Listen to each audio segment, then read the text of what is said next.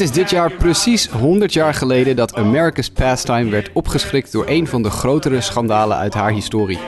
Acht spelers van de op dat moment topfavoriete sterrenploeg Chicago White Sox zouden de World Series van 1919 verkocht hebben. Nou, het 100-jarige ja, jubileum eigenlijk van deze gebeurtenis is voor ons denk ik een mooie gelegenheid om ons licht te laten schijnen op dit schandaal. En eh, als ik het heb over ons, dan heb ik het over mezelf, Jasper Roos, en Sander Grasman. Hey Sander, goedemiddag. Hoi Jasper. We zijn er wat toe aan onze vierde uh, aflevering van de Baseball History podcast reeks, waar we een paar weken geleden mee begonnen zijn. En ja, het, het, het kon haast niet anders natuurlijk dan dat we ons even gingen buigen over het 100-jarige jubileum van de, de Black Sox schandaal. Hè? Ja, het is denk ik een van de meest uh, tot de verbeelding sprekende schandalen uit de, uit de historie van het honkbal. Uh, dit verhaal heeft alles in zich, van uh, maffiafiguren tot uh, de grootste sterren van de sport. Alles uh, om eens mooi op, op in, om in te duiken voor een van onze afleveringen. Ja, dat gaan we dan ook zeker doen, want het is, ja, het is nog steeds een heel apart verhaal. Veel honkbalfans zullen wel ongeveer weten dat dit gebeurd is. Dat, dat, er ooit een team is geweest dat betrapt is op het vergooien van de World Series voor geld. Er is natuurlijk films over gemaakt en boeken over geschreven. Het boek Eight Men Out is verfilmd. Met een hele jonge Charlie Sheen onder andere in de hoofdrol. Nou, dan kan je wel ongeveer eh, bedenken wanneer dat geweest is dat die film uitgebracht is. Heb jij hem gezien? Ik heb hem niet gezien nog. Ik, uh... nou, je mag hem een keer van me lenen. Ik heb hem op DVD. Dus dan kan ik hem een keer toesturen. En dan mag je hem een keer zien. Het is best, het is best voor, voor de, het tijdperk van... Hè, we hebben het over begin jaren tachtig geloof ik dat die film gemaakt is. Het, het, zit best wel goed in elkaar. Het is ook redelijk waarheidsgetrouwd. Het is hier en daar wat geromantiseerd. Maar het is best een, een aardige, aardige film. Maar goed, dat terzijde. Dat is Eight Men Out.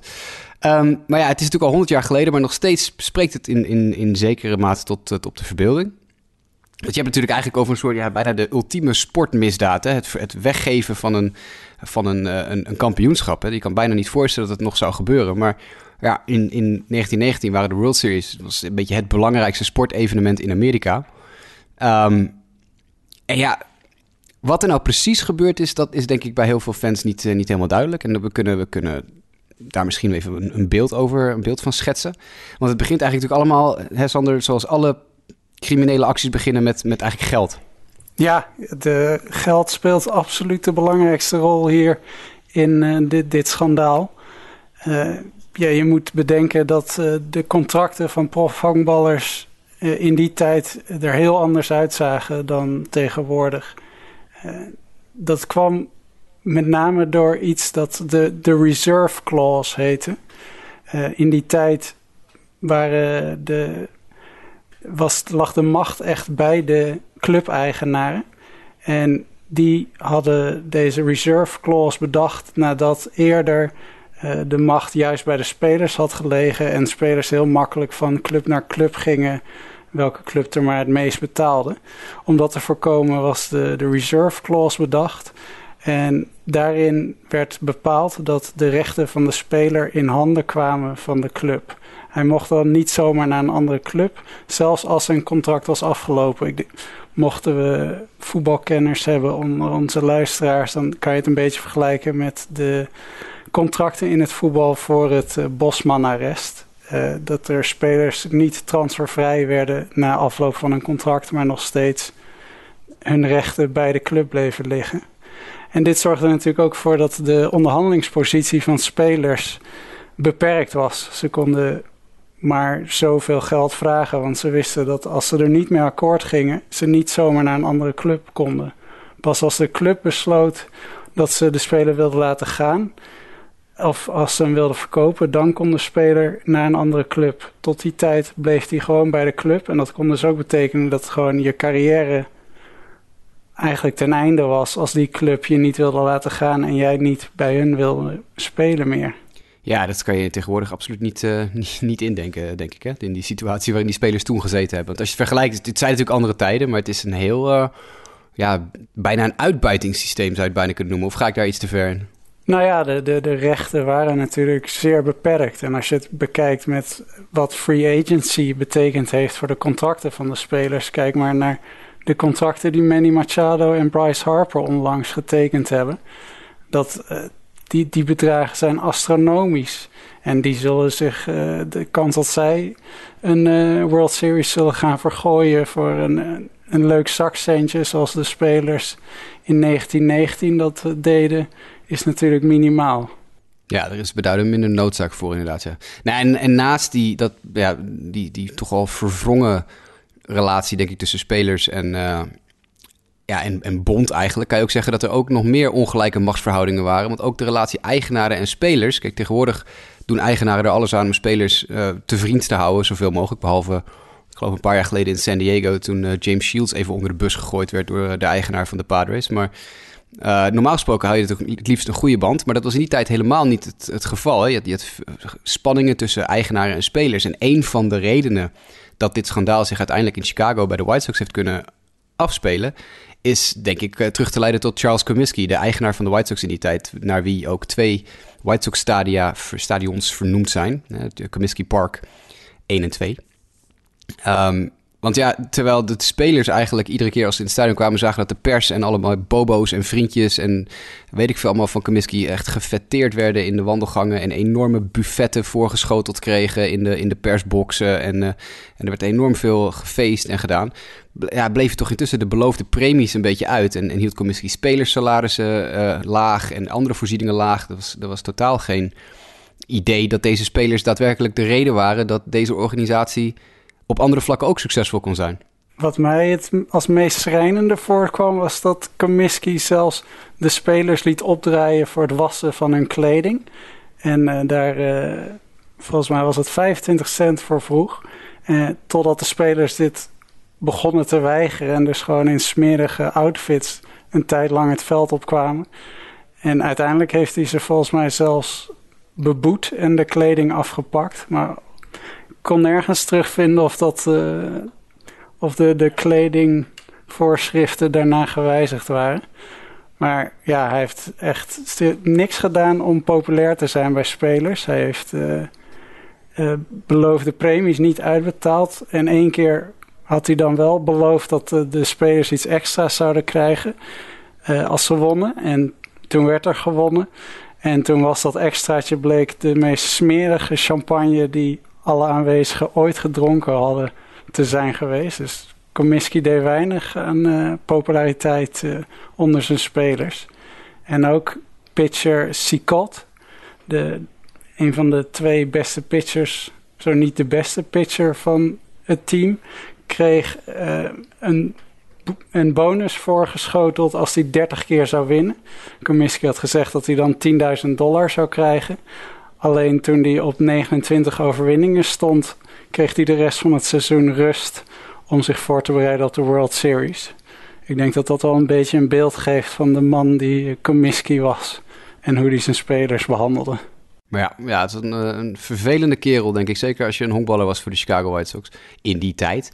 Um, dat is, dat is natuurlijk element één waar je, waar je, ja, als wat je als oorzaak kan zien. Maar daarnaast was ook een externe factor die denk ik heel veel meegespeeld heeft in het ontstaan van die, ja, die vruchtbare grond voor zo'n schandaal. En dat is natuurlijk ook dat gokken in het begin van de 20e eeuw echt een, uh, ja, toch wel een dingetje was, hè? Het was. Het was aan de ene kant een beetje publiek geheim, maar het, spelers die werden regelmatig op hun eigen wedstrijden en... en uh, er werden regelmatig uh, ja, zij-weddenschapjes afgesloten. Dus ik denk ook, als je kijkt naar de samenleving en, en de sportwereld op dat moment, dat het, het element gokken misschien nog wel een grotere invloed is geweest. Ja, zeker. Eigenlijk is gokken vanaf het begin van de sport, zeker toen het professioneel werd in de 19e eeuw, tweede helft van de 19e eeuw, eigenlijk altijd heeft het een rol gespeeld in het honkbal.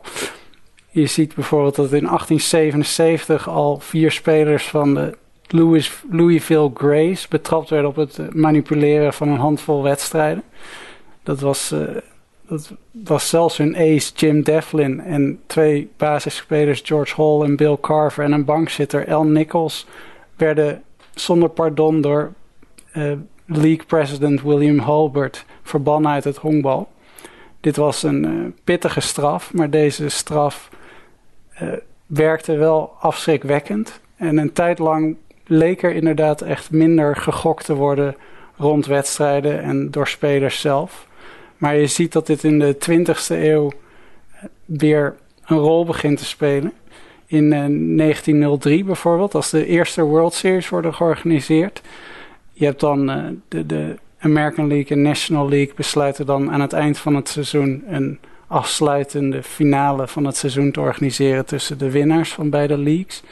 En dan geeft Red Sox pitcher Lou Krieger, die met Cy Young een van de sterkste tandems aller tijden vormde, bij de op dat moment eh, president van de American League, Byron Bancroft, Ben Johnson, aan dat er geprobeerd is hem, om hem om te kopen. De league president Johnson maakt het complot wereldkundig en uiteindelijk winnen de Red Sox van de Pirates de World Series en worden zo de eerste World Series winnaars. Maar het was dus wel degelijk uh, weer terug in het honkbal dat er geprobeerd werd uh, spelers te manipuleren en wedstrijden en uitslagen te manipuleren. Ja, het is niet, niet heel gek dat dat in, in Boston voor het eerst weer in de 20e eeuw naar voren komt. Hè? Want Boston is op dat moment echt de place to be als het om, om gokken gaat. Om, om, hè, er was ook duidelijk een maffia-invloed en er is echt een onderwereld die uh, over dat gokken en de bookmakers ging. Nou, dat, die was vrij groot in Boston. Zowel de Red Sox als op dat moment nog de Boston Braves uh, waren echt ja, bekend om hun ja, voortdurende de, de, de opbouw van onder, onderwereldfiguren in het publiek en zo. Er zaten behoorlijk wat criminelen bij die wedstrijden. En, en beruchte, beroemde types uh, als, als Joseph Sullivan. Joe Sullivan, die uh, ja, volgens de geruchten de persoon zou zijn die Krieger en uh, Cy Young heeft geprobeerd om te kopen. En, en Jim Costello, ook een beroemde onderwereldfiguur. Die werden heel vaak in het gezelschap van spelers of coaches gezien. Dat gaat natuurlijk ook ervoor zorgen dat, um, ja, dat die geruchten steeds verder aanslingeren. En als op een gegeven moment dan 14 jaar later, in 1917, um, toch wel weer. Uh, ja, het begint op te lijken dat er een wedstrijd van de Red Sox ook toevallig tegen de White Sox is beïnvloed. Um, dan begint dat toch steeds meer weer naar voren te komen. Van er is hier iets aan de hand, er is hier iets aan de hand. Een grappig, saillant detail van die wedstrijd van de Red Sox tegen de White Sox is dat uh, de criminelen ervoor gezorgd hebben dat het veld bestormd werd toen het even de verkeerde kant op leek te gaan. Ze hadden dus die wedstrijd afgekocht met het idee van oké, dat team gaat winnen. En uh, toen dat uh, niet helemaal leek te lukken, hebben ze het veld laten bestormen, zodat de wedstrijd stilgelegd werd. En dat, uiteindelijk is die wedstrijd afgelast. En moest die in zijn geheel overgespeeld worden. En was dat probleem dus ook opgelost. Dus je zag een hele duidelijke, denk ik, een hele stevige vinger uh, in de pap van de criminele onderwereld als het op honkbalwedstrijden aankomt. Ja, en dan is misschien wel een mooi en meest illustratief voorbeeld voor de hechte relatie tussen de high rollers en de honkballers uit die tijd. Het verhaal van Prince, dat is een bijnaam Hell Chase. Uh, Chase was volgens zijn tijdgenoten een van de beste eerste honkmannen. En ook nog eens een begenadigd slagman. Uh, hij stond bekend om zijn uh, barehanded veldacties. En om zijn kwaliteit om hit-and-run acties als slagman de bal het veld in te krijgen, zodat de honkloper makkelijk verder op kon schuiven. Alleen hij stond er ook al bekend om, om af en toe de, de signs van zijn coaches te, te missen, opzettelijk. Waardoor de, de ploeggenoot ineens in, het, uh, in the middle of nowhere tussen 1 en 2 uh, gevangen werd. En ook was hij een meester in om aanworpen naar zijn eerste honk te missen en het er nog op te laten lijken dat het aan de aanworp lag. Maar men wist eigenlijk wel beter. Alleen had uh, hij speelde bij de New York Highlanders, wat nu de, de Yankees zijn. En daar werd hem de, het hand boven de hoofd gehouden door clubeigenaren Frank Farrell en Bill Devery. Devery, ik heb ja, ik denk Devery. Ja. Big, Big, Big, Bill. Big Bill. Wel, toch? Ja. Big Bill. Dit is, toch, dit is toch schitterend. Dan heb je het over, even tussendoor, dan heb je het over een clubeigenaar die Big Bill heet. Dan, dan, word je toch al helemaal terug, uh, teruggevoerd naar die tijden. Maar oké, okay, sorry, ga door. ja, de, de bijnamen zijn sowieso in dit hele verhaal ik denk dat weinig mensen bij hun voornaam worden genoemd in dit verhaal.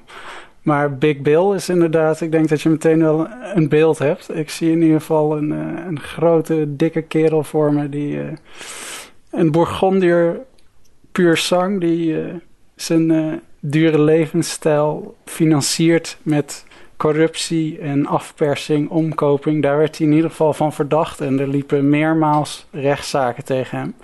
Nou, die Big Bill en Frank Farrell hielden alles wat ze wisten over de acties van Chase natuurlijk uh, onder de pet. Alleen speelde Chase niet zijn hele carrière voor de Highlanders. Hij vertrok naar de Cincinnati Reds. En daar kwam hij in 1916 onder het bewind van manager Christy Matthewson. Christy Matthewson is mogelijk een bekende naam bij onze luisteraars. Ze was een legendarische oud-pitcher. Hij was op dat moment dus manager en later heeft hij zelfs nog als journalist en uh, auteur veel geschreven. Interessant figuur. En hij pikte het niet wat Chase deed. Uh, hij uh, schorste hem en wilde hem eigenlijk laten, laten beboeten, zelfs door de, de, de league. Dus niet alleen vanuit de club, maar eigenlijk een hele strafprocedure tegen hem starten.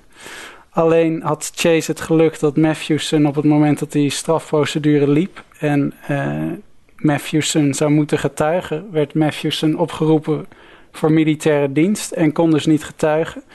En daardoor ging Chase vrij uit. Dit gaf hem een uh, zekere mate het gevoel dat hij onaantastbaar was geworden, waarna zijn gedrag eigenlijk alleen nog maar verder escaleerde. En hij heeft wel altijd ontkend dat hij mensen omgekocht hebben, wat Matthewson hem van beschuldigde.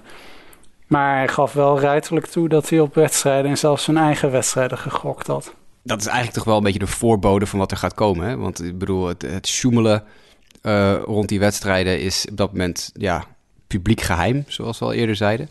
Maar op het moment dat je natuurlijk in 1917 al deze 1916 dit soort situaties gaat zien en in 1917 die Red Sox White Sox wedstrijd die uh, ja, die toch al een soort van verdachte omstandigheden om zich heen uh, hadden, dan weet je al, want het gaat nu steeds verder die kant op. En um, ja, dan heb je toch. Er zijn, er zijn zoveel anekdotes te verzinnen uit die tijd. Uh, had je niet, vertelde je me niet een tijdje geleden het verhaal over. Um, dat er iets met de, met de betting title race was tussen Ty Cobb en, en Nap LaJoy? Uh, ja, ja, dat is... Want daar, dat is, daar is ook nog iets mee gebeurd met... Uh, volgens mij heeft ook iemand omgekocht of is er iets... Uh, is er, is, er zijn van allerlei ja, vriendendienstjes. Ik, ik, weet het niet precies meer. Wat is het verhaal ook weer? Dat is, ja, dat is meer het, een, een vriendschappelijke manier van sjoemelen. Of het daarom om geld ging, is niet helemaal duidelijk. Misschien dat er wel als bedankje wat, wat geld heen en weer geschoven is. Maar je had inderdaad een, een spannende race tussen Ty Cobb en Neb Lejoie. Dus Lejoy, ik weet nooit precies ja, hoe je dat twee. moet uitspreken. Dit is het leuke, even, dit is het leuke aan die naam. Hè. We hadden het voor de uitzending ook al even over het uitspreken van Eddie ja, of is het Sikot, of is het Chikadi, of is, is het, is het uh, Eddie Sikot, of is het weet ik veel. Dit zijn allemaal van die namen die, ja, we doen ons best om het allemaal zo goed mogelijk uit te zoeken hoe je het uitspreekt, maar Nap Lajoie of Nap Lajoie, het is allemaal uh, acceptabel, geloof ik. Ja, in beide gevallen gaat het om Fransen, waar ik in eerste instantie voor bij beide uitging van een uh, Italiaanse origine gaat het in beide gevallen om Franse. Ja, Eddie Cicotte, dat klinkt ook wel lekker, lekker, lekker Italiaans. Ja, ja, ja is, inderdaad wat meer de Franse kant op. En uh, ja, en Napoleon, ja, dat is natuurlijk... Uh, ja, Nap, Nap, Napoleon, ja, dat ga je ook weer de Franse uh, kant op. Maar ja, goed, oké, okay, sorry. Je was aan het vertellen over Tycob en, uh, en Nappy. Ja, die waren verwikkeld in een spannende strijd om de om de betting title. Alleen niemand gunde die, die titel aan Kolb. Uh, Kolb was niet heel populair. Hoe gehaat hij is, dat is, blijft altijd uh, iets waarover gediscussieerd wordt. Maar ik denk dat uit deze anekdote toch al blijkt dat hij niet echt geliefd was. Want LeJoy, LeJoy speelde in de seizoensovertoeren een doubleheader met zijn Indians tegen de St. Louis Browns. En in die twee wedstrijden kwam LeJoy tot acht hits in acht slagbeurten. Nu kan dat natuurlijk gebeuren.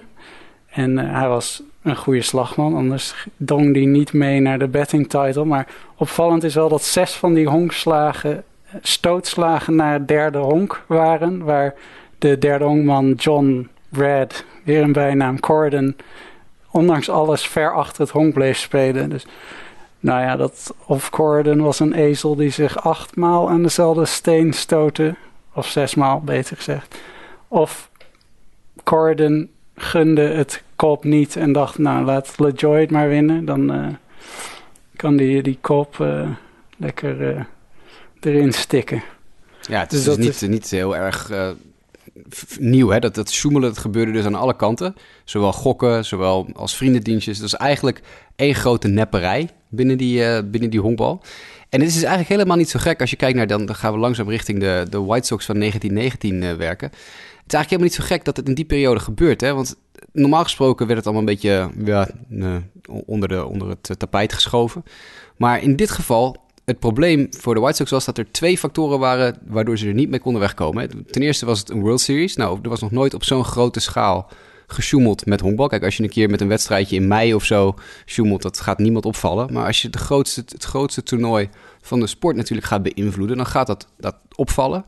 En daardoor verscheen het ook allemaal in de media. En, en je, je kan er dan niet meer omheen dat er iets gebeurt. En als je kijkt naar bijvoorbeeld ook uh, het werk van F. Scott Fitzgerald, een bekend honkbalfan ook, en de schrijver van uh, het boek The Great Gatsby, waarin overigens ook een, mooie Black Sox uh, referentie staat. Maar zelfs hij schreef erover en hij schreef dat het schandaal het vertrouwen van 50 miljoen Amerikanen geschaad had, enzovoort, enzovoort. Dus je hebt op dat moment echt, er begint steeds meer rugbaarheid aan te komen aan dat soort dingen. En op het moment dat je natuurlijk eenmaal die bal aan het rollen hebt, ja, dan, dan is het denk ik heel moeilijk om te stoppen. Maar voordat we bij dat eindpunt zijn, voordat we bij het punt zijn van oké, dit is nu het schandaal. Wat gebeurde er eigenlijk precies? Nou, het begint ergens in september van 19, 1919. Uh, um, op het moment dat de World Series ja, min of meer duidelijk zijn, of in ieder geval het is duidelijk dat de White Sox de World Series wel weer gaan halen, want er waren geen playoffs nog toen. Het had allemaal te maken met een, een soort van competitievorm waarin uh, bepaalde nummers 1 en 2 en dergelijke naar de World Series gingen, maar er was nog geen uh, playoff systeem, geen divisiesysteem. Um, en ergens in september komt die, uh, die, die Sullivan, die, die, we eerder al hadden, die Joe Sullivan, bijnaam Sport, ook weer zo'n mooie bijnaam, Sport Sullivan. Die, uh, die belegt een bijeenkomst in een hotel in Boston, dat is het Buckminster Hotel. Om daar met Charles Gandil te gaan praten. Charles Gandil wordt ook wel Chick genoemd, Chick Gandil. ook weer een mooie bijnaam. Um, en Sullivan die vraagt eigenlijk aan Gandil van... hey, kunnen jij en Eddie Sicard niet uh, een groepje bij elkaar brengen, zodat we zeker weten dat wij uh, nou, flink veel geld kunnen verdienen eigenlijk aan die World Series door iets onverwachts te laten gebeuren. Nou, op dat moment wordt Gandalf wordt dus een soort van ringleader en Sicard wordt eigenlijk een soort van zijn rechterhand, hè? Ja, Sicard, die ondanks een moeilijk uitspreekbare naam geen bijnaam heeft, gek genoeg. Die uh, is de startende werper en Gandalf is de startende eerste honkman. En Gandalf staat wel een beetje bekend als een uh, ja, niet volledig betrouwbaar figuur. Is een uh, oud bokser en een, een, ruige, ruige kerel. En Eddie Sicott zit een beetje in zijn kliekje. De White Sox bestaan dan een beetje uit twee kliekjes. Dat uh, ja, hoger opgeleide, sophisticated groepen rond Eddie Collins en een wat ruigere groep rond Chick Gandel. En het is dus aan die Chick Gandel om zijn vrienden bij elkaar te verzamelen om, uh, om een gunstige uitkomst voor de, voor de gokkers te, te bewerkstelligen. Want je zei het al even in de inleiding, maar toch misschien nog even goed om te herhalen dat de, de White Sox waren dus favoriet. De, de, de Reds waren de, de underdog. En dus er viel veel geld te verdienen als de underdog ineens zou winnen.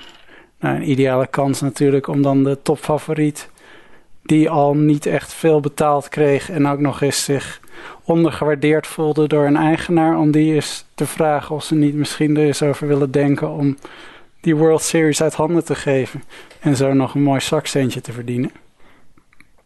En Gandalf roept dus een groep van zijn teamgenoten bij elkaar. Hemzelf is in, voor zijn rol een bedrag van 35.000 dollar in het verschiet gesteld. Wat een veelvoud was van zijn jaarsalaris van 4.000 dollar. En in totaal zou er 100.000 beschikbaar zijn voor het beïnvloeden van de wedstrijden. En dit geld zou opgehoest worden door een groep gokkers, misdadigers, boeven, uh, die Sullivan's uh, actie zouden ondersteunen. En deze, deze groep zou bestaan uit E. Patel, een, uh, een, een bokser met ook een nogal uh, ruige reputatie. En hij zou weer gesteund worden door Arnold Rothstein. En dat is een bekende naam uit de New Yorkse onderwereld. En dan waren er ook nog eens oud-honkballers die hierbij betrokken waren, die waarschijnlijk een brug vormden tussen de spelers en de gokkers. En dat waren Sleepy Bill Burns en Billy Mayhark. Nog weer zo'n zo'n rare naam. Ja. Ik zag ergens dat gesuggereerd werd dat hij eigenlijk een oud speler was met de naam Graham, omdat zijn naam teruggelezen Graham is. Ja, Mayhark. Ja, ja, ja. Maar nou, ze hebben allebei twee verschillende Wikipedia-pagina's en verschillende sterfdagen. Maar er zou misschien wel iets in kunnen zitten dat hij Mayhark eigenlijk uh, Graham heet. Maar hij was dus een soort spil tussen de, de gokkers, uh, Epetel en Sullivan, naar de spelers. En Sullivan en Epetel werden dan weer ondersteund door Arnold Rothstein. Nou, misschien kennen mensen hem wel. Hij zit ook in uh, Boardwalk Empire, is hij een van de personages. En daar gaat het ook over de, de Black Sox en de omkoping van de Black Sox. Maar hij was dus een kingpin binnen de Joodse maffia van New York. Hij was een van de eerste gangsters die de drooglegging, de Prohibition, die startte in 1920, herkende als een kans om grof geld te verdienen. Hij stond bekend om zijn intelligentie en hij zou de maffia getransformeerd hebben van een gewelddadige bende tot een goed georganiseerde coöperatie. En hij werkte met vele andere bekende mafiosi samen. Eh, mensen die daar geïnteresseerd zijn onder onze luisteraars kennen misschien wel de namen Meyer Lansky en Lucky Luciano en Dutch Schultz. Die maakten dus deel uit van zijn coöperatie. En hij stond dus voor een machtig blok binnen de, de onderwereld in die tijd. Ja, Rothstein heeft zelf uh, altijd ontkend dat hij betrokken was bij het schandaal. Maar uh, ja, goed, er zijn, er zijn heel veel bronnen over. Niet iedereen is het erover eens. Maar toch, zoiets kan je eigenlijk niet opzetten. Zoiets op, op zo'n grote schaal. Als je niet iemand aan het roer hebt, achter, erachter hebt zitten, denk ik, die de, de, de, invloed en het geld en de mogelijkheden en de contacten heeft die een, een maffiabaas als, uh, als Rothstein had. Uh, hij zegt zelf dat Abe die bokser, alleen maar zijn naam gebruikt heeft om meer gewicht in de schaal te leggen en om meer, uh, ja, meer mensen mee te kunnen krijgen. Maar ja, goed, als je puntje bepaalt, dit is niet iets wat een, wat een gewone middelfiguur op kan zetten. En Rothstein heeft daarna ook nog gewoon echt een gigantisch, gigantisch bedrag overgehouden aan, aan die aan die serie. Want dat is een van de redenen dat het steeds naar buiten kwam, of dat het op een gegeven moment naar buiten is gekomen, is dat mensen toch wel heel opvallend vonden hoe ontzettend veel geld er op de Cincinnati Reds ingezet was. Waaronder dus de Rothstein, die een enorm bedrag op de Reds had neergezet. Terwijl de White Sox echt een 9 tegen 1 favoriet waren of zo om te winnen.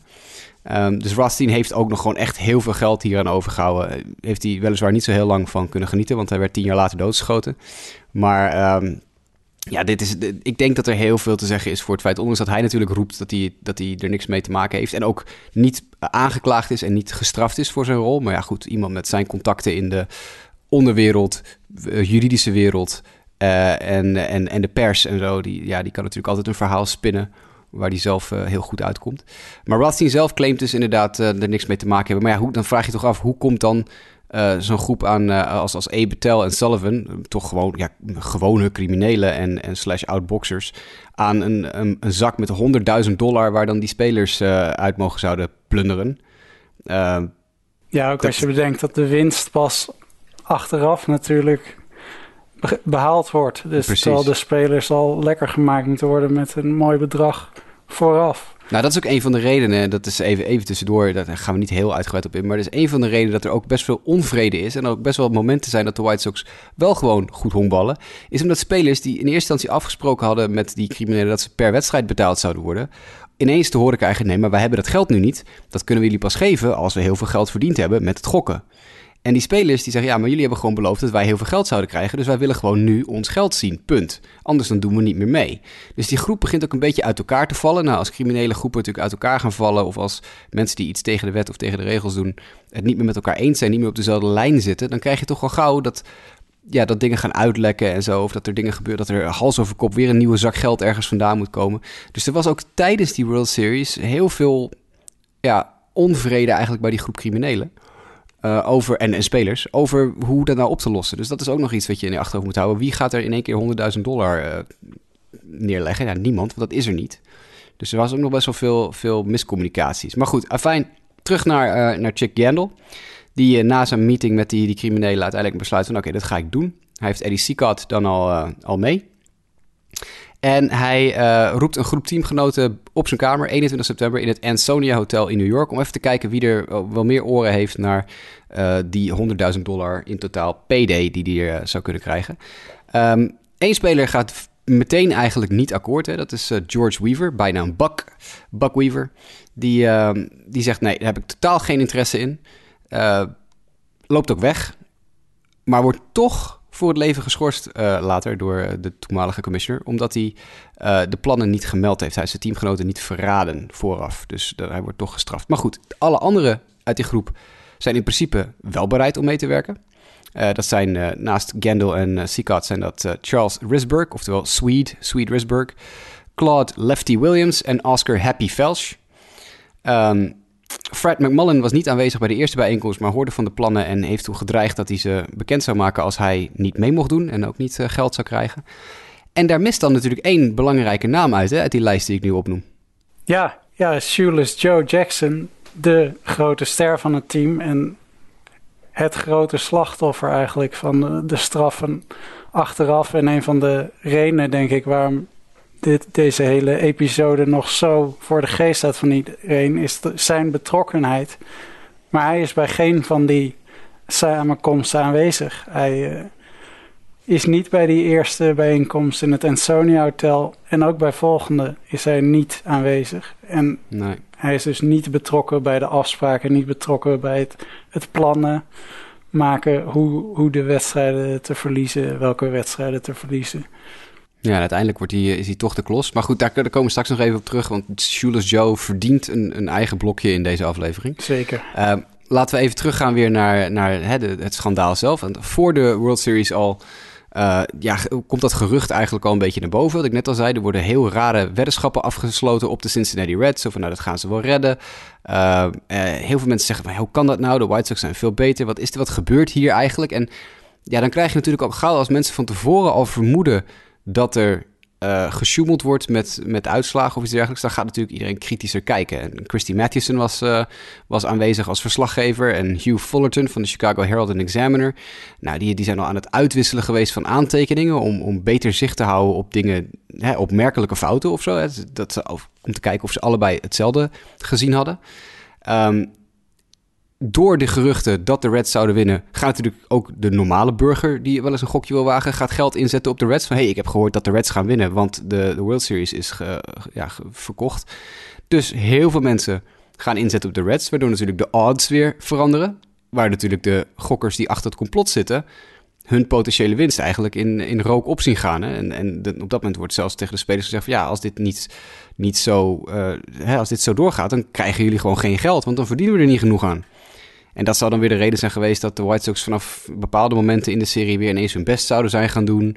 En enzovoort enzovoort. Maar ja, ondanks al die, die pogingen ten spijt is het denk ik niet, uh, het is niet genoeg geweest. Hè? De, de White Sox verliezen die World Series uiteindelijk van de Reds.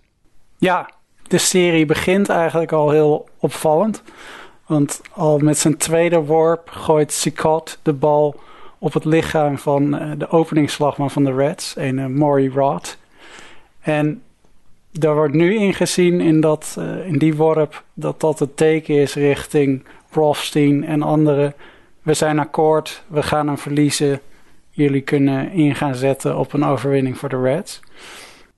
De fix is on, zou later in de kranten geschreven. Die, die situatie zou beschreven worden in de kranten als, als de fix is on. Dat is inderdaad het startteken van oké, we doen mee. Ja, en uh, nou, het is niet het enige wat Sicot fout doet in die eerste wedstrijd. Oeh, is nee, zegt dat wel. Een opeenstapeling van, uh, van fouten. Ik denk dat Christy Matthewson en Hugh Fullerton uh, een aardig boekje vol hebben kunnen schrijven. Uh, met aantekeningen over foute acties van hem. Hij ja, gooit, gooit slecht, maakt veldfouten. En uiteindelijk is, wordt het 9-1 en is de eerste wedstrijd heel makkelijk voor de, voor de Reds.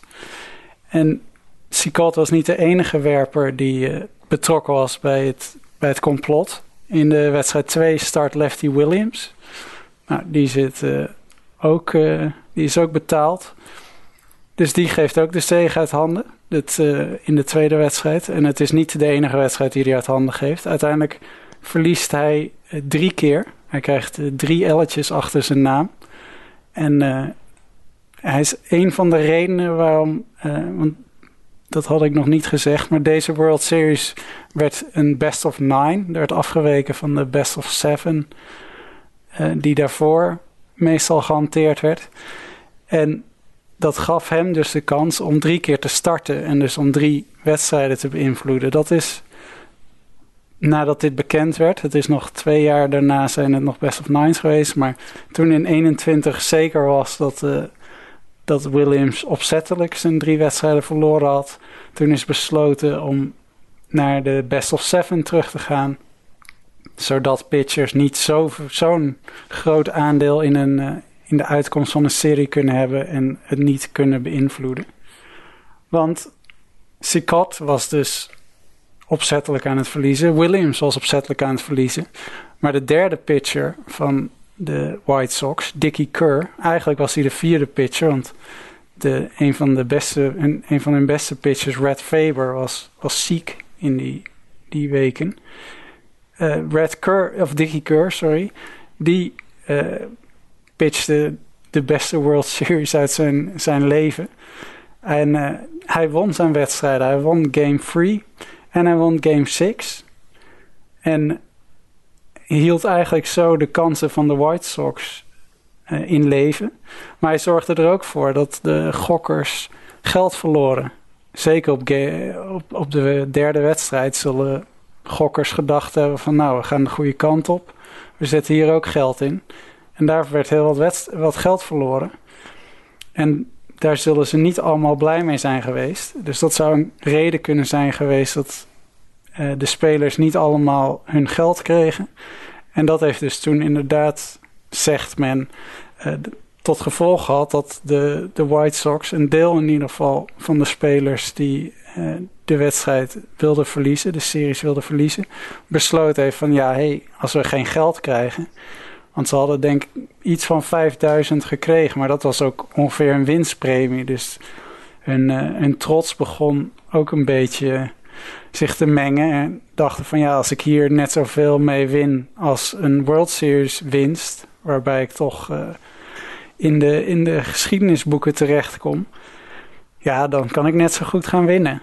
Ja, de enige reden dat dat niet gebeurt is uiteindelijk omdat ze een aantal van de jongens uh, krijgt even wat bezoek hè?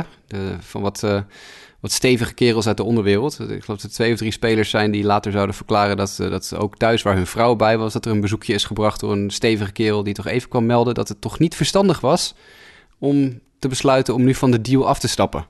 Want dat is natuurlijk altijd wat je te, als je te maken hebt met de maffia. Die hebben natuurlijk altijd wel iemand rondlopen die eventjes iemand heel overtuigend kan toespreken. Ja, de, de vrouw van Lefty Williams, de, de, die zou de laatste wedstrijd pitchen die, uh, daar zou het niet goed mee aflopen als uh, Lefty Williams die achtste wedstrijd, want het werd uiteindelijk uh, eh, 5-3 in wedstrijden. Als hij die achtste wedstrijd niet zou gaan verliezen, dan zou die vrouw het er niet levend van afbrengen. En nou, ik hij heeft die wedstrijd volgens mij één iemand uitgekregen. En de wedstrijd lag al in een beslissende plooi voordat hij naar de kant ging.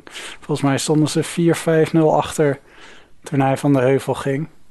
Dus ja, dat zijn de praktijken die toen om de hoek kwamen kijken. Dus of, het, of ze nog het uh, weggegeven hebben toen omdat ze er geld voor kregen... of omdat ze voor hun eigen en hun geliefde vrezen, dat lijkt er meer op. Ja, inderdaad. Het is natuurlijk altijd, als je met criminelen in, uh, in zee gaat, dan weet je dat zoiets kan gebeuren. Dat is, ja, dat is toch vervelend. Maar goed, het duurt uiteindelijk, ze verliezen dus de World Series, de, de White Sox. Uh, die gaat naar de Reds, maar het duurt uiteindelijk nog ruim een jaar voordat het officiële onderzoek wordt gestart. De geruchten blijven maar rondgronzen en niemand doet er eigenlijk iets aan. Maar uiteindelijk, 28 september 1920, toen bekende Eddie Sicard voor de grand jury zijn rol in het complot, dat hij een duidelijke invloed had gehad in dit complot. Acht spelers en vijf gokkers worden uiteindelijk aangeklaagd voor een vorm van samenzwering.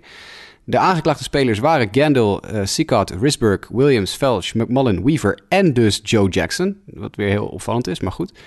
Uh, uiteindelijk komt het niet tot een echte zaak. De reden dat Jackson er trouwens uh, bij zat, heeft, daar is een gerucht dat, hij, dat Comiskey daar een handje in gehad heeft. Want Comiskey wilde hem niet meer betalen dan dat hij op dat moment deed. Maar Jackson was natuurlijk de grote ster van de league, dus die wilde meer geld. En toen dreigde hij dat hij weg wilde. Maar Comiskey wilde niet dat hij wegging. Dus nou ja, de enige manier om ervoor te zorgen dat hij niet meer weggaat, maar dat je hem ook niet meer hoeft te betalen, is ervoor te zorgen dat hij nooit meer hoeft te honkballen. Maar goed, dat is een ander punt. tot een echte zaak kwam het nooit.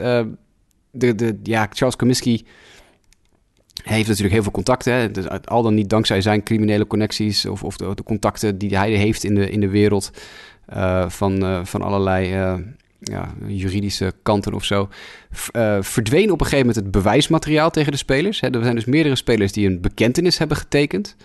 Um, en op het moment dat die bekentenissen eigenlijk aangevoerd zouden worden door de, door de aanklager, van nou, hier is het bewijs, ze hebben allemaal bekend, openen ze de, de kluis waar die, die dingen in zouden liggen en ineens waren ze allemaal weg.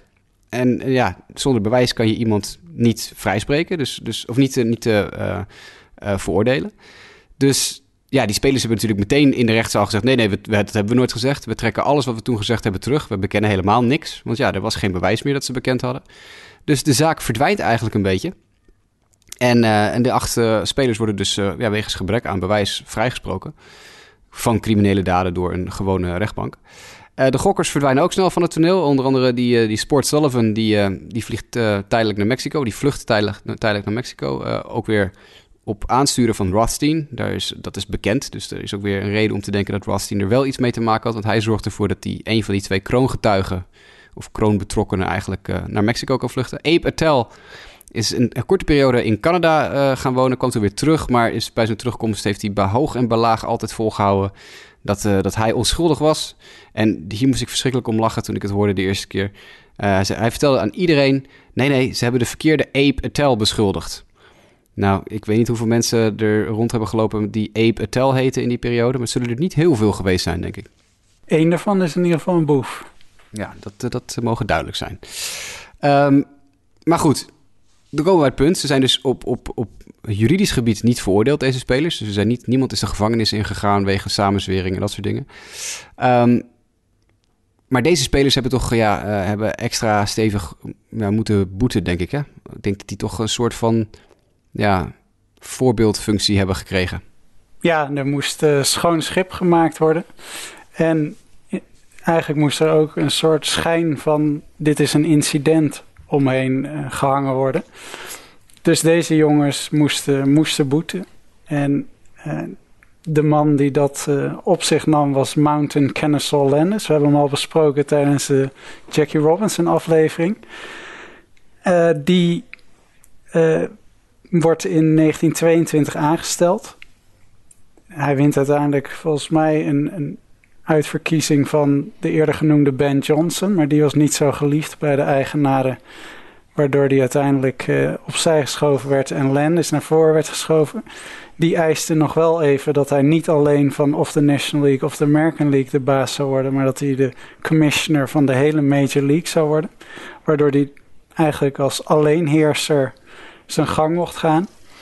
Nou, dat hebben ze hem, uh, die, die eer hebben ze hem gegeven. En toen is hij uh, flink met uh, de bezem er doorheen gegaan. Alle acht spelers hoorden de dag na hun vrijspraak in de, in de rechtszaal dat zij uh, op de ineligible list geplaatst werden. En dat zij, wat dus eigenlijk betekende dat ze in principe een levenslange schorsing kregen en nooit meer zouden, zouden honkballen.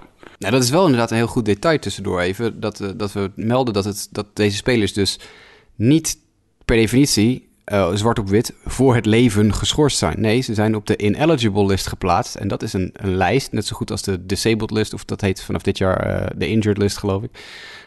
of van de bereavement list, of, of dat soort dingen.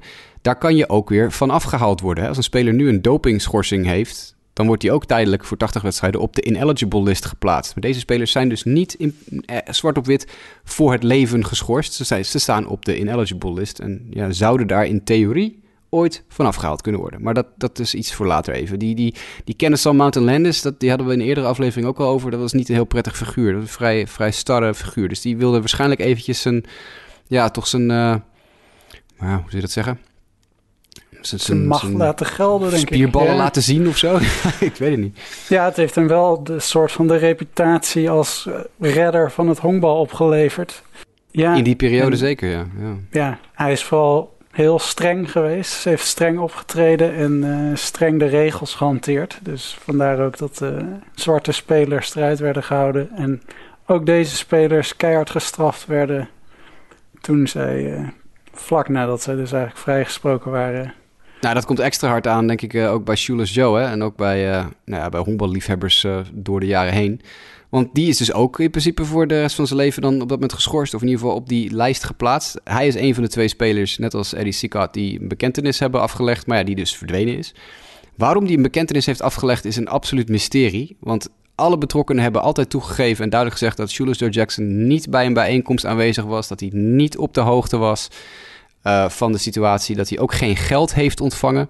Of, uh, of in ieder geval een, een heel klein bedrag heeft ontvangen maar dat was niet omdat hij onderdeel van het complot was, maar dat heeft hij dan van de spelers zelf gekregen, om wat voor reden dan ook. Het is heel wazig waarom hij met de rest in één grote ja, bak is gegooid eigenlijk. Ja, ik las ergens dat hij op dat moment nog vertegenwoordigd werd door een advocaat van Comiskey, die betaald was door Comiskey. En dat die hem wel ingefluisterd zou hebben van uh, betuig spijt. En dan uh, kom je er... Uh, zonder straf af. Dus ja, wat je eerder zei over Comiskey daar nog een rol in heeft gespeeld. Ja, die, die twee lagen elkaar niet zo hoor. Die, uh, Comiskey en Jackson lagen elkaar later in Jacksons carrière echt, echt niet goed. Um, ja, Lefty Williams heeft zelfs nog gezegd dat de naam van Julius Joe wel genoemd is in de gesprekken. Maar dat was meer om, om de gokkers te overtuigen van de succeskansen van het complot. Zo van, hey, nou, Joe doet ook wel mee. Dat is niet zo'n probleem. Die, die hebben we ook wel. Nou, als Joe met ons meedoet, dan, uh, dan is het helemaal kansloos. Dus dat, uh, is dik voor elkaar. Want ja, hij was natuurlijk wel de absolute superster van, van het team op dat moment. Een van de beste honkballers ooit. En denk ik een van de meest ja, verwaterde honkballers bij de oppervlakkige fans, denk ik. Door het feit dat hij dus uh, ja, geschorst is. Um, maar als je kijkt naar de statistieken van Julius Joe tijdens die World Series... Dat, ja, er is nergens bewijs. Dit is een heel sterk bewijspunt van heel veel mensen die pro Julius Joe Jackson zijn. Um, er is heel veel uh, statistisch bewijs om aan te tonen dat hij absoluut zich niet ingehouden heeft. Hè? Want hij heeft, hij heeft uh, tijdens de World Series het record aantal honkslagen nog verbroken. Hij had, hij 12 honkslagen in de series. Hij heeft geen veldfouten gemaakt. Hij heeft één speler op thuis uitgegooid. En had bijna een tweede. Maar ja, Eddie Sicard was de, de cut-off man. En ondanks dat Eddie Sicard de bal niet had moeten vangen, uh, deed hij dat natuurlijk wel. Want Sicard had wat door, als ik hem laat gaan, is die man uit en die moet scoren. Uh, dus, dus voor Jackson is denk ik eigenlijk uh, ja, de situatie extra zuur. Want die heeft gewoon zich verschrikkelijk uitlopen sloven tijdens die World Series. Heeft ongenadig zijn best gedaan. En is eigenlijk een beetje een soort, ja, een soort ja, kind van de rekening, zou je bijna kunnen zeggen. Um, Moeten we, moeten we nog even zeggen waarom Shoeless Joe Jackson eigenlijk Shoeless Joe Jackson heet? Of is dat iets wat, heel, wat alle fans wel zullen weten, denk je? Ik denk dat we dat nog wel even uit kunnen leggen. Ja, ik heb het ooit begrepen als, zijn, als dat hij ooit uh, zonder schoenen gespeeld had. Maar misschien weet jij beter wat die, uh, waar die naam vandaan komt. Nee, dat klopt. Hij, uh, hij kwam natuurlijk uit een heel ja, arme, arme omgeving. Heel arme ouders, heel arme, arme familie. Uh, en had nooit echt heel veel geld om, om mooie, dure dingen aan te schaffen. Dus op het moment ja, blijkt dat Shoeless Joe, niet een bijster intelligent iemand overigens, maar dat is uh, ja, nou ja, niet zozeer een ander punt, maar dat is ook wel even iets om je achterhoofd te houden als je het over die bekentenis en het geloven van die advocaat en zo hebt. Uh, die was nooit gewend goed materiaal te hebben en had altijd natuurlijk oude dingen aan en dingen die te, te groot waren of te wijd zaten. En toen ja, kwam hij een beetje in die honkbalwereld terecht, in die toch wat ja, professionelere honkbalwereld. En toen kreeg hij op een gegeven moment in de minor league een keer ja, een paar nieuwe schoenen van de club omdat zijn schoenen te oud waren. En die deed hij aan. En ja, hij had natuurlijk niet ingelopen. Hij ging meteen een wedstrijd uh, erop spelen. En die schoenen die knelden als een gek. En dat vond hij heel onprettig. Dus hij heeft in de tweede of derde inning heeft hij die schoenen uitgedaan en over de zijlijn gegooid, terwijl hij in het rechtsveld stond. En hij heeft de rest van de wedstrijd op zijn blote voeten gespeeld. Nou ja, en vanaf dat moment, zoals dat gaat in de minor league, als je iets gek doet, heb je meteen uh, voor je leven lang een bijnaam te pakken. En vanaf dat moment, omdat hij dus een uh, ja, driekwart wedstrijd op zijn blote voeten heeft gespeeld, ging Joe Jackson als shoeless Joe Jackson door het leven. Ja, ik zag dat uh, er toen hij de rechtbank uitkwam, iemand riep: Zie je wel, ik zei toch dat hij schoenen droeg? Ja, ja precies. Ja, nou ja, goed. ja, je weet niet hoe dat komt. Maar hoe dan ook, hè, als je kijkt puur even naar Joe Jackson, een van de beste spelers uit zijn generatie. Was ook net als hij niet bepaald echt een super slim iemand. Niet echt het, uh, ja, zoals jij dat opschreef, het scherpste mes in de la. Uh, nooit naar school geweest, heel naïef. Uh, heeft nooit echt waarschijnlijk begrepen wat er allemaal aan de hand was met dat schandaal. Heeft veel te, is veel te goed gelovig geweest. Um, ik denk dat, dat Jackson, persoonlijk denk ik dat Jackson eigenlijk helemaal geen idee had wat er eigenlijk aan de hand was. Dat hij maar gewoon gedaan heeft wat hem verteld werd. Maar ja, uiteindelijk wordt hij geschorst. Hij heeft dan de rest van zijn leven tot het bittere eind houdt hij vol dat hij absoluut onschuldig is. Um, en er zijn heel veel mensen uh, die, die hem daarin geloven. En, en die vinden dat hij uh, ja, in ere herstelt. Hij is overleden inmiddels natuurlijk, al lang geleden.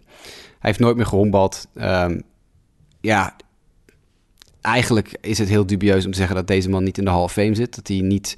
Er is zoveel gebrek aan bewijs en er is, er is zoveel circumstantial evidence dat de, de kant van zijn onschuld uh, opstuurt. Dat je bijna zou zeggen dat, uh, dat een schande is dat het nog steeds niet opgelost is. Uh, ja, het is denk ik wel duidelijk in welk kamp ik, ik zit. Ik, ik heb in mijn Twitter bio staan, Shoeless Joe Jackson is een Hall of Famer. Dus dan weet je wel genoeg, denk ik. Dat maakt weinig um, te raden over, ja. Ja, nee, toch. Um, maar toch, hè, Sander, daar kunnen we het misschien nog even over hebben. Het feit dat hij niet in de Hall of Fame zit door die schorsing. hij moet natuurlijk eerst van die ineligible list afgehaald worden door Major League Baseball. Dat kan alleen de commissioner doen, of dat kan alleen een commissie van de commissioner doen. Um, is natuurlijk nog steeds wel echt een heikel punt voor veel honkballiefhebbers. Want het is natuurlijk echt een. Ja, als je kijkt naar zijn, alleen al zijn, lifetime slaggemiddelde. Uh, zijn slaggemiddelde voor zijn hele carrière is uh, 3,55,8. Dus afgerond 3,56 lifetime. En daarmee hoeft hij alleen maar uh, Rogers Hornsby en Ty Cobb voor zich te laten. Die uh, 1 en 2 staan. Cobb staat 1 en Hornsby 2. Uh, hij, hij, staat ruim voor legendarische namen als Ted Williams en Babe Ruth. Maar ja, het is, het is nog, niet, nog niet voor elkaar. Nee, en die laatste heeft zelfs ooit aangegeven dat hij zijn swing heeft aangepast of gemodelleerd naar de swing van Joe Jackson. Omdat het in zijn ogen, dus in Babe Ruth's ogen, de beste slagman was die hij ooit gezien had. Ja. Dus dat zegt denk ik ook al wat. En zijn, zijn spel verdient het. En als je kijkt naar de, de statistieken, hij slaat 3,75 in die World Series. Hij slaat uh, de enige home run, in ieder geval van de White Sox. Hij maakt geen veldfout. Ja, er is niks wijst erop dat hij willens en wetens de wedstrijden verloren heeft. En ja, hij lijkt een soort collateral damage te zijn om, om maar een punt te maken. En, en, en als je dan bedenkt dat volgens mij Comiskey bijvoorbeeld wel in de Hall of Fame Klopt, zit. Ja, ja dat, dat laat toch op zijn minst een wat wrange nasmaak achter. Het is, ja, dat is inderdaad heel, heel vervelend. Het is ook heel, het is heel gek eigenlijk, hè, dat Major League Baseball... Ze, ze hebben hem niet zozeer uit de, uit de, uit de boeken geschreven. Want al zijn statistieken zijn er nog gewoon. En uh, als je de Hall of Fame in Cooperstown binnenkomt lopen in de hal... daar hangt uh, een, een heel groot bord. Of er staan, ik geloof, 10 of 12 namen op de muur... Uh, van de beste slagmensen aller tijden. Ik geloof gebaseerd op een combinatie slugging percentage... OPS, slaggemiddelde, weet ik veel. In ieder geval, er, er is een statistiek uitkomen rollen, een, een, aanvallende statistiek uitkomen rollen van de beste slagmensen aller tijden. En dat is een, een lijst van, ik geloof, ja, nogmaals, 10 of 12 namen uit mijn hoofd. Waarvan er, ik geloof, zeven in de Hall of Fame zitten. Uh, twee of drie nog actief zijn, die de Hall of Fame ingaan. Echt, echt, echt namen die first ballot Hall of Famers zijn. Ik geloof Pujols, uh, Miguel Cabrera, dat soort namen, weet je wel. En Shoeless Joe Jackson. Die staat dus nog wel gewoon in de hall, in de gang van dat Baseball Hall of Fame. Staat zijn naam nog gewoon in het lijstje met de tien beste honkballers ooit. Aanvallende honkballers ooit. Tien beste slagmensen ooit. En nog steeds, en het is een paar jaar geleden nog gebeurd, 2015 hebben we het dan over, dat is die zaak nog een keer uh, uit, de, uit de, de koelkast gehaald. Uh, ook op aansturen van een paar leden van Congress in Amerika, de politieke wereld, die toch een, die een, een, ja, een, een, brief hebben geschreven naar Major League Baseball en naar Rob Manfred met de mededeling: we zouden toch wel heel erg op prijs stellen als je je toch even weer een keer wil buigen over uh, de situatie van, uh, van Shoeless Joe Jackson. En, en na kort onderzoek heeft Major League Baseball er toch uh, ja, het niet aangedurfd om, om die schorsing terug te draaien. Of om in ieder geval hem van de ineligible list af te halen. Waardoor hij alsnog postuum de Hall of Fame in kan. En als je dan hebt over 2015, dat is niet zo gek lang geleden. Terwijl er toch heel veel bewijs is. En nog heel veel onderzoek is gedaan door de jaren heen. En er zijn artikelen van nou, de, de grootste honkbalschrijvers in Amerika geschreven over waarom Joe Jackson in de Hall of Fame thuis hoort. Ik, ik vind het heel gek, als ik eerlijk ben, dat er voor gekozen wordt om hem nog steeds op die zwarte lijst te houden. Ja, het lijkt, me, lijkt mij een redelijk eenvoudige beslissing om. Uh, want hij is zeker niet de instigator geweest achter het, het hele complot. Dus is duidelijk, en dat hebben ze ook zelf aangegeven. Kendall is ermee begonnen. Sikot is hem gevolgd, deels uit, uh, uit onvrede met Comiskey. En daarna zijn er bepaalde types gevolgd. Maar ja, dat uit, uit niks blijkt dat Joe Jackson, want hij is het enige waar hij voor geschorst is, zijn deze World Series. Nou ja, ja hij is gewoon, uh, hij was de beste slagman van de World Series. Tja. En, en maakt geen fouten. Er is niks dat, dat erop wijst dat hij zijn best gedaan heeft om te verliezen.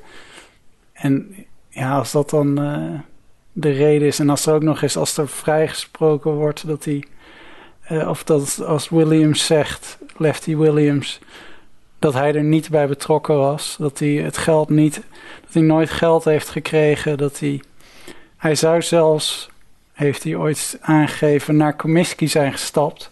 Maar nadat hij een uur lang te vergeefs bij hem op kantoor gewacht had om met hem te spreken en hem aan te spreken over het complot, uh, is hij toch maar weggegaan. En dan, daar zou hij misschien eieren voor zijn geld hebben gekozen om, uh, om dan maar niet aan te geven, dan zelf zijn best te doen en uh, er het best van te hopen. En uh, ja, Comiskey lijkt zichzelf wel heel erg vrij te gepleit te hebben na afloop, terwijl zijn rol een stuk dubieuzer is. En hij is daarna ook niet zich veel beter gaan gedragen, want Dickie Keur, we noemden hem al even als de pitcher die nog twee wedstrijden won en fantastisch gooide, ondanks dat hij pas de derde in de rotation was. Die is het slachtoffer geworden van die reserve clause een paar jaar na zijn uh, sterke prestatie in de World Series. Want hij kreeg geen goed contract aangeboden in 21, na het seizoen van 21. En is toen dus eigenlijk gewoon ook op, uh, uit het honkbal geraakt, omdat hij dus niet naar een ander team kon, geen acceptabel contract kreeg en gewoon niet aan spelen toekwam, omdat hij nog steeds speler was van de White Sox, maar geen contract had bij hen. Dus Comiskey, dat hij dan wel in de, in de Hall of Fame zit, dat, dat, dat is toch uh, moeilijk te verteren als honkballiefhebber. Ja, dat denk ik ook wel, ja. Nou, er is natuurlijk een reden voor dat op een gegeven moment de White Sox ervoor gekozen hebben om de stadionnaam aan te passen. Die is natuurlijk tweeledig. Ten eerste kan je van ja, Comiskey Park kan je geen geld aan verdienen, want dat is geen advertentienaam. Dus moet je er een bedrijf aan hangen, want dan kan je er tenminste nog geld aan verdienen. Ja. Maar het was ook onderhand wel een keer tijd, uh, eind jaren 90, begin 2000 dat, daar, uh, dat die naam van het stadion afging. Want er wordt toch steeds meer, komt er naar buiten wat een vervelende vent dat eigenlijk was. Um, in de film Eight Man Out wordt op een gegeven moment uh, ja, heel hard geroepen... Uh, als op het de spelers de rechtszaal uitlopen...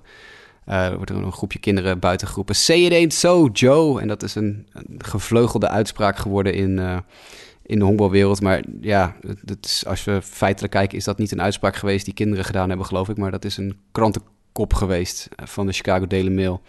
Maar Say It Ain't So Joe is wel een, uh, ja, nog een beroemde uitspraak die we uh, hier ja, in, aan, aan, deze situatie hebben overgehouden, denk ik. Want zowel The Fix is On en Say It Ain't So Joe... dat zijn gevleugelde uitspraken in de honkballerij gebleven. In bepaalde situaties. Maar goed, hoe je het ook bent of keert... dit is een, een zwarte bladzijde in de honkbalgeschiedenis... en de spelers die hier daadwerkelijk bij betrokken zijn geweest... Uh, verdienen alles wat ze wel of niet uh, krijgen. Heel dom van Seacard ook, want die was ook wel op weg naar de Hall of Fame. Maar die, die kan het dus ook schudden. Maar denk ik wel, ja, een, een, een heel fascinerend kijkje in de honkbalgeschiedenis. Ja het, het blijft een van de, de, meest interessante verhalen. En ook als je alles leest wat er over geschreven is, hoe het, het de mogelijkheid tot speculeren en de, de, de, rol van Joe Jackson erin en, en wat hem is overkomen. Ja, het, het stopt gewoon nog niet. Misschien als Joe Jackson een keer tot de Hall of Fame wordt toegelaten, dat het uh, misschien langzamerhand een beetje uit het collectief geheugen zal verdwijnen. Maar tot die tijd zullen mensen blijven vechten voor het lot van Joe Jackson. Ik, uh, ik ben er in ieder geval één van. Ik, uh, ik uh, heb totaal geen inspraak. En MLB en Rob Manfred luisteren helemaal niet naar mij. en dat is vaak maar goed ook. Maar ik zal, ja, totdat ze uiteindelijk Joe Jackson in de Hall of Fame plaatsen, mij zeer vocaal laten uitlaten over het feit dat ik vind dat hij daarbij hoort. Al was het alleen al in mijn Twitter bio. Maar dat terzijde. Um, Hey Sander, we zitten op een uur. Ik denk dat we er een einde aan breien. Ik denk dat we alles uh, wat er te bespreken valt over dit verhaal uh, in een uur hebben weten te comprimeren. We hebben natuurlijk ja, wat detaildingen weg moeten laten. Er is recent door een podcast uh, netwerk, dat is, een, ik geloof dat de podcast heet Historical nog iets, Huppel de Pup, Huppel de Pup. Die hebben een maand of vier, vijf geleden een dubbele aflevering van, ik geloof twee keer drie kwartier gewijd aan het Black Sox schandaal. Uh, daar zitten een paar foutjes in, in die, in die aflevering. Uh, dat is dan weer jammer. Maar over de hele linie geeft dat wel een heel aardig beeld van wat er zich heeft afgespeeld. Mochten de mensen nou nog gedetailleerder uh, deze materie in willen duiken, dan kan je op zoek naar die podcast over Shooter Joe Jackson en de Black Sox van het, het podcastnetwerk. Ik moet het even opzoeken, ik weet niet meer uit mijn hoofd. Conspiracy Theories heet die, geloof ik, die podcast. Ja. En in Conspiracy Theories heb je ergens een aflevering, het Black Sox-schandaal. Ik geloof uh, ergens uh, eind vorig jaar, september vorig jaar. September 2018. Dus mochten mensen meer details willen horen, kan dat via Conspiracy Theories, podcast, uh, het Black Sox-schandaal. Ja, ik kan dan ook nog aanraden de website van Jacob Pomranky. Dat is een onderzoeker van het SABER, de... Even, waar staat de de onderzoeksbureau. Ja, het uh, onderzoeksbureau. Ja. ja, die heeft uh, uitgebreide documentatie rond de, het schandaal. En daar is ook heel veel te lezen over, over de Black Sox en Joe Jackson. En alles wat je maar wil weten is daar ook te vinden. En natuurlijk de film Eight Man Out met Charlie Sheen en ik geloof ook John Cusack. Zit er ook nog in, een hele jonge John Cusack. Het boek uh, er is ook een boek van Eight Man Out, kan je ook lezen. Er zijn meerdere boeken geschreven over de Black Sox. Uh, altijd uh, ja, de moeite waard om eventjes in te duiken. Ook de rol van Comiskey komt in een aantal van die boeken heel erg goed naar voren. Dus er is voldoende leesmateriaal voor de mensen die hier nog dieper in willen duiken, die de smaak te pakken hebben. Hey Sander, hartstikke bedankt dat, we, ja, dat je samen met mij weer deze aflevering hebt volgepraat.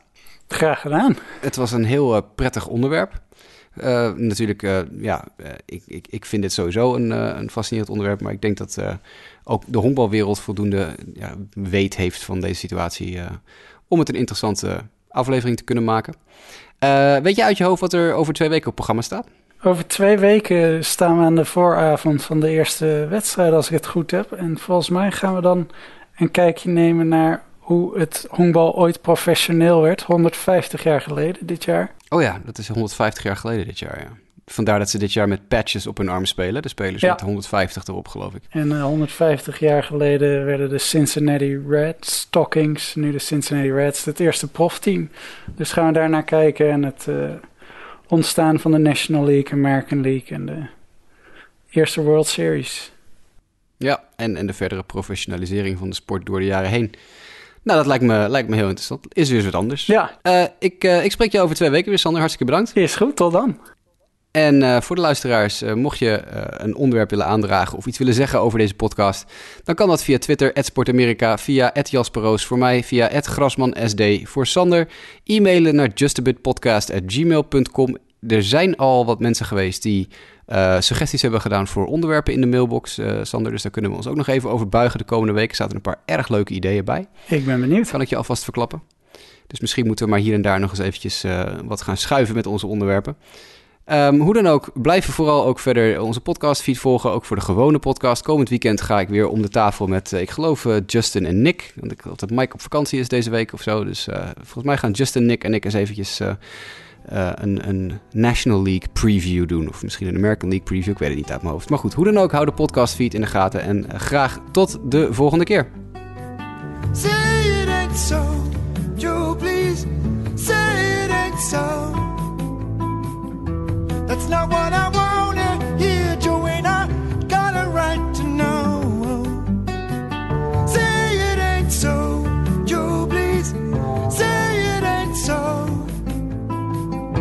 I'm sure they're telling us lies, Joe. Please tell us it ain't so.